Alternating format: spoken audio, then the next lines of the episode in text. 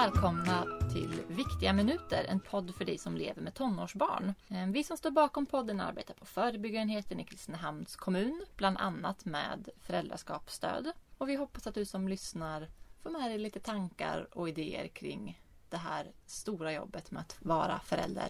Med idag är jag, Clara Tuvesson, Jessica Flod och Johanna Östlund. Ehm, och idag ska vi prata om hur hjälper vi våra tonåringar att förhålla sig till sex samtycke? Och vad kan vi göra för att våra tonåringar ska göra val som är bra för dem? Och hur mycket ska man egentligen lägga sig i det här?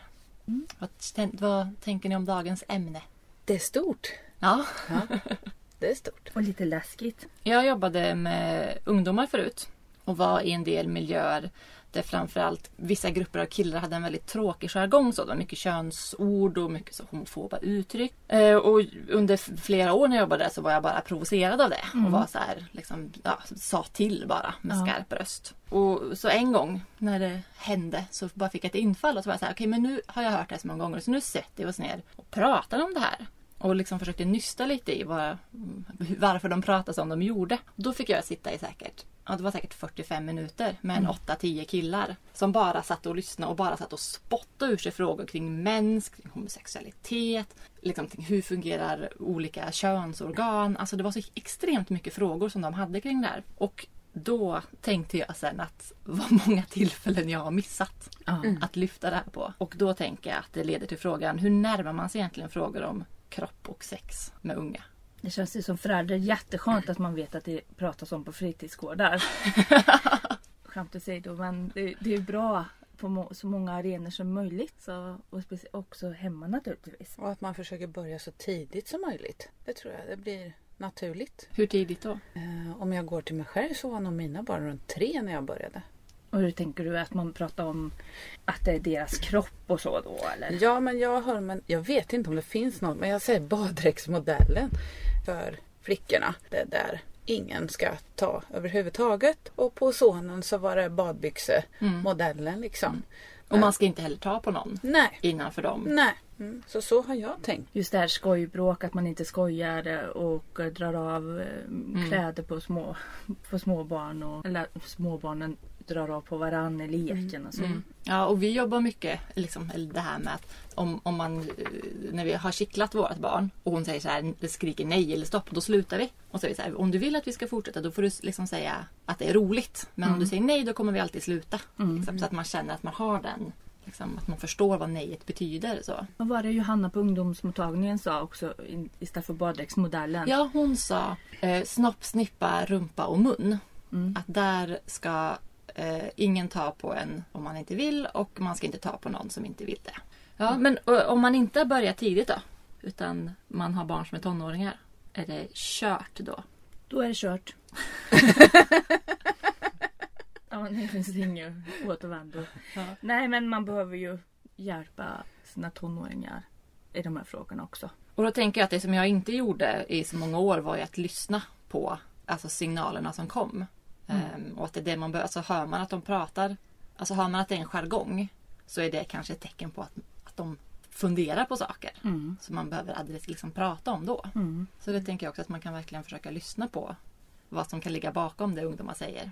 Och sen så kanske man behöver själv om man inte har- har att det inte är naturligt att man kanske kan kolla på nätet och hämta upp tips eller hos sina kompisar eller hos någon annan person. Att man förbereder sig då. Mm. Man kan också behöva öva lite på vilka ord man ska använda och kanske liksom så här, ja, vilka, vilken, vilka termer använder vi oss av i den här familjen? Är det snopp och snippa? Tycker jag att det är svårt att säga det eller tycker jag det är lätt att säga det? Och så behöver man kanske liksom säga det. Och sen så behöver man kanske inte prata så detaljerat Nej. inom ämnet. Det Nej. Jag tänker att det har alltid varit, eller för många fall varit en speciell fråga. Man säger blommor och bin och det finns alltid massor med ord för könsdelar. Vad finns det för ord egentligen?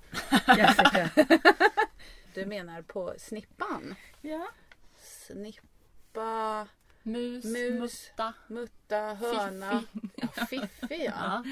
Sen så har vi ju såna här brutala Det tänker jag inte ens nämna. Nej. Men jag menar att de- här orden finns ju och Ja. man pippar och gökar. Och det finns alla tider har det funnits sådana ord för att Ja. man har svårt. För att det är nära den intima, sin egen zon Ja, liksom. precis. och, och prata med tonåringar om det. Ja. Mm. Och sen att man inte kanske lämnar ut sitt eget sexliv då. Men det skulle vara Nej. förskräckligt. Ja, Ja. Det, det skulle vara riktigt pinsamt. Eller gräver i sin, alltså om man har ungdomar som har sex, man behöver inte prata om deras specifika Nej. sexliv. Nej. Så. Utan mer fråga är det, är det okej? Ja. Sen så vill man inte veta vad som händer och sker. Men sen så är det ju så mycket annat som, som, eh, som jag tänker på. Hur, hur, eh, man kan ju vara rätt orolig som förälder här med jag tänker med Facebook, Instagram, vad de lägger ut. Mm. Och att den då följer med under hela, under hela tiden. Det liksom försvinner ju inte. Nej. Men gör man det valet, att man har pratat om var, vad som händer. Ja, och samtidigt så är det jätteviktigt att inte... Alltså man kan ju prata med sina barn så skicka inte nakenbilder. Var försiktig om man, om man liksom spelar in filmer och så vidare. Men samtidigt att man ska inte förbjuda och komma med för mycket pekpinnar. För Nej, precis. det kan ju också vara så att barnet gör det ändå. Ja, Och då måste ju barnet kunna känna sig trygg i att berätta det. ja. Alltså för, för, för det är ju så grooming Absolut. fall fungerar också Mm. att, att alltså, vuxna lurar ungdomar att börja med en liten nakenbild och sen så begär man mer och mer tills barnen begår övergrepp på sig själva. Och för ungdomarna vet ju att de ska inte skicka bilder på sig själva. Och då har de ju gjort det och då kan de ju inte s- liksom, berätta det för en förälder. Så att man liksom jättenoga med att det här, det här, tänk på att det, som du säger, det här kan hända om man skickar nakenbilder. Men om du känner att det liksom bara blev så, det blev fel och så, berätta det för oss. Vi kommer aldrig bli arga om du har Nej. gjort det. Nej, liksom. utan vi finns kvar, stöttar Ja. upp. Om det skulle bli någon konsekvens. Det behöver ju faktiskt inte Nej. bli det heller. Nej. Men, men det är väl skönt Mm. för få det sagt om man känner så. Men och det här med skev syn på sex, tänker jag, som om, det tycker jag är någonting som vuxna pratar mycket om att man är rädd för att ungdomar ska få.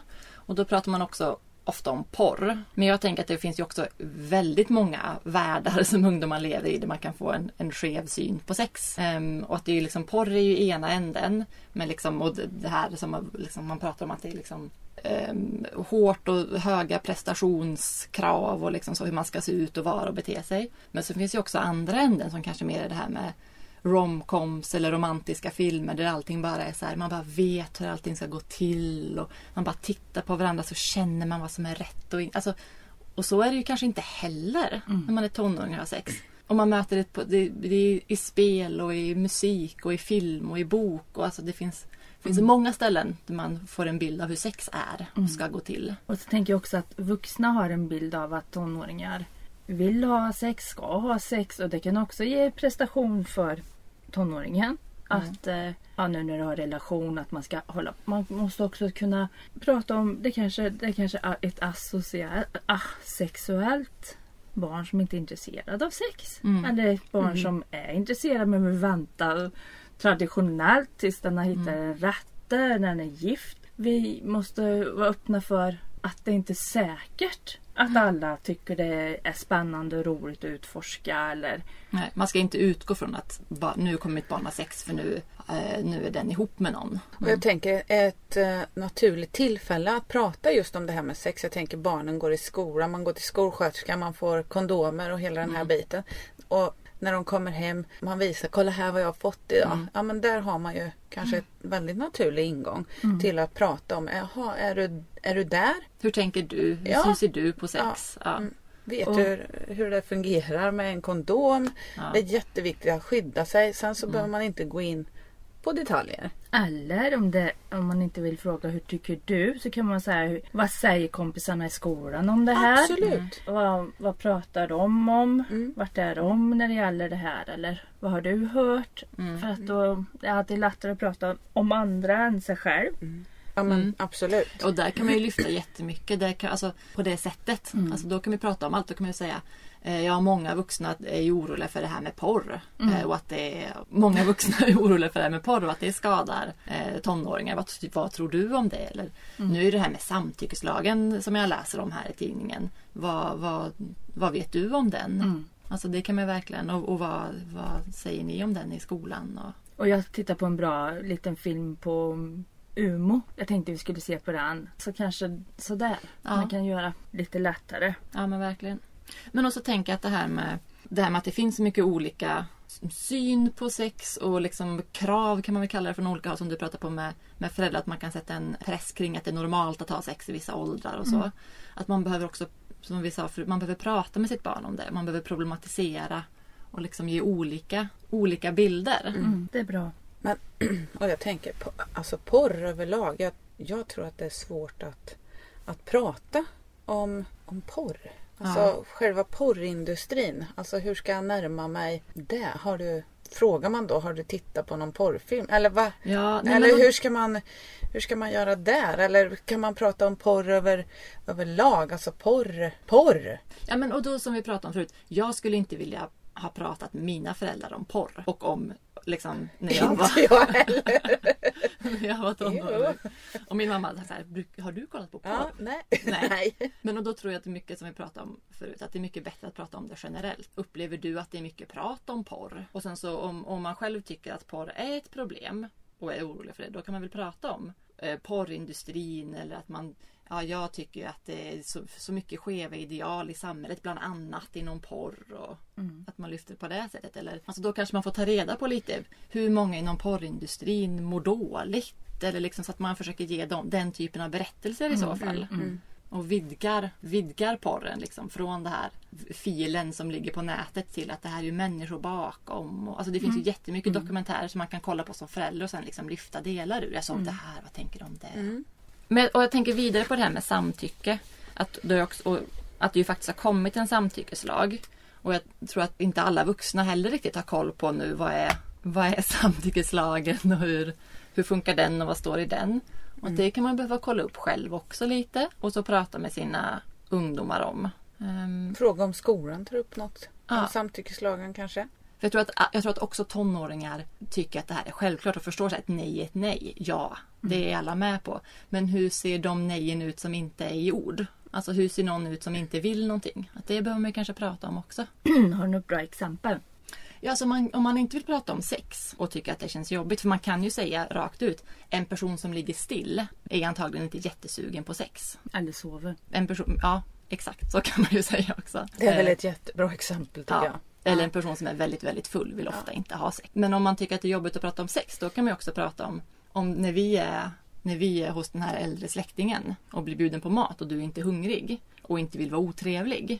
Vad gör du då för, att, för liksom att kommunicera att du inte vill? Då kanske du säger så här. Nej tack, jag är inte sugen. Nej, jag, eh, jag är mätt. Eh, tack, det ser jättegott ut men eh, ja, inte just nu. Jag har precis ätit. Ja, precis. Ätit. Och allt det betyder ju också nej. Och det betyder inte försök att övertala mig att äta det här. Så, och då tycker jag att det blir också ganska tydligt när man pratar om på det sättet. Och hur ser man ut när man inte vill någonting?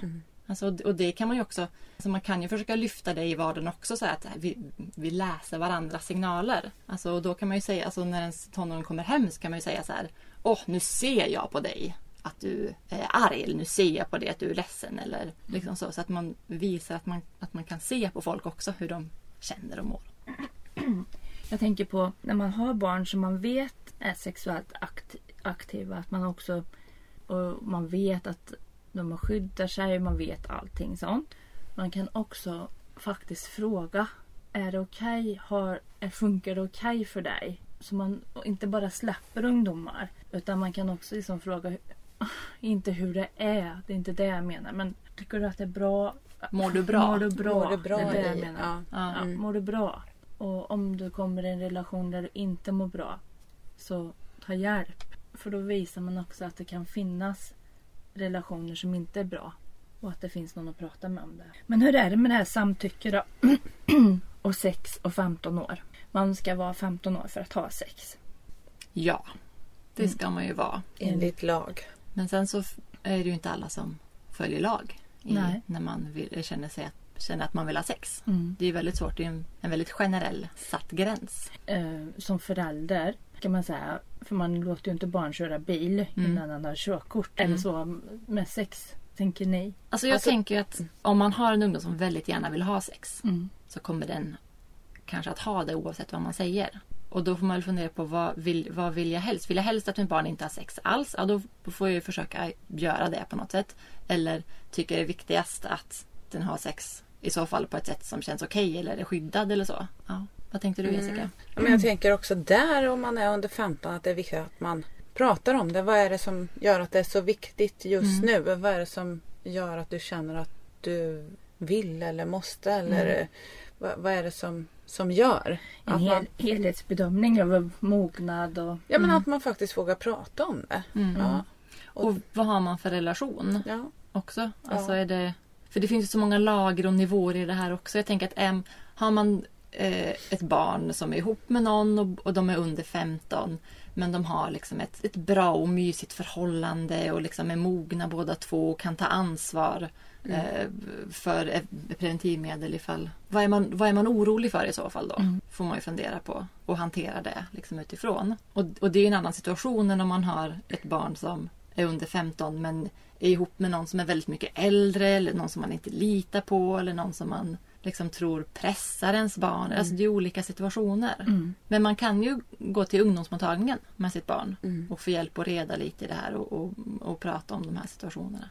Ja, jag, ja, jag tror att det är viktigt som vuxen att våga, ja, men våga utforska det och ta Mm. med. Ja, men det är väl jättebra att gå till ungdomsmottagningen då. Mm. Då kanske inte jag just som förälder behöver vara med där inne om det blir pinsamt. Sen så kanske man inte har en jättebra relation. Det beror ju på. Tonåren, det, det sätter ju igång mycket. Mm. Men jag kan i alla fall ta med barnet till ungdomsmottagningen och jag kan låta någon professionell få prata. Så Mm. Ja. att det, det blir så bra som möjligt. Ja, precis. Så tänker jag på det här med preventivmedel också. Att man kanske är rädd att barnet ska eh, bli eh, gravid och så. Är man två tjejer som är tillsammans så är det ju kanske inte just Då är den Just risken det. väldigt, väldigt liten. De- kan man säga. lite. Ja. Ja, men då kanske man ska tänka... Det finns andra aspekter man måste prata om då. Mm. Ja, och könssjukdomar finns ju Mm. också. Ja, det är mycket och känner man att det, att det är lite för mycket för en som sagt, då, då finns ungdomsmottagningen. Och man kan gå dit med sitt barn och man kan ju ringa ungdomsmottagningen som förälder och, och ställa frågor också. Absolut. Mm. Hur ska jag ta upp det här? Idag har vi försökt att greppa det här stora ämnet som är sex och samtycke och porr och eh, allt annat som, Ja. som man brakar in i som tonåring så småningom kanske. Och då har vi pratat om att det är bra att börja tidigt. Så tidigt som man, som man kan egentligen. Och ta det pö om pö. Liksom. Börja Prata om det ja. Ja, Eller börja tidigt. det är bra att börja prata tidigt ja.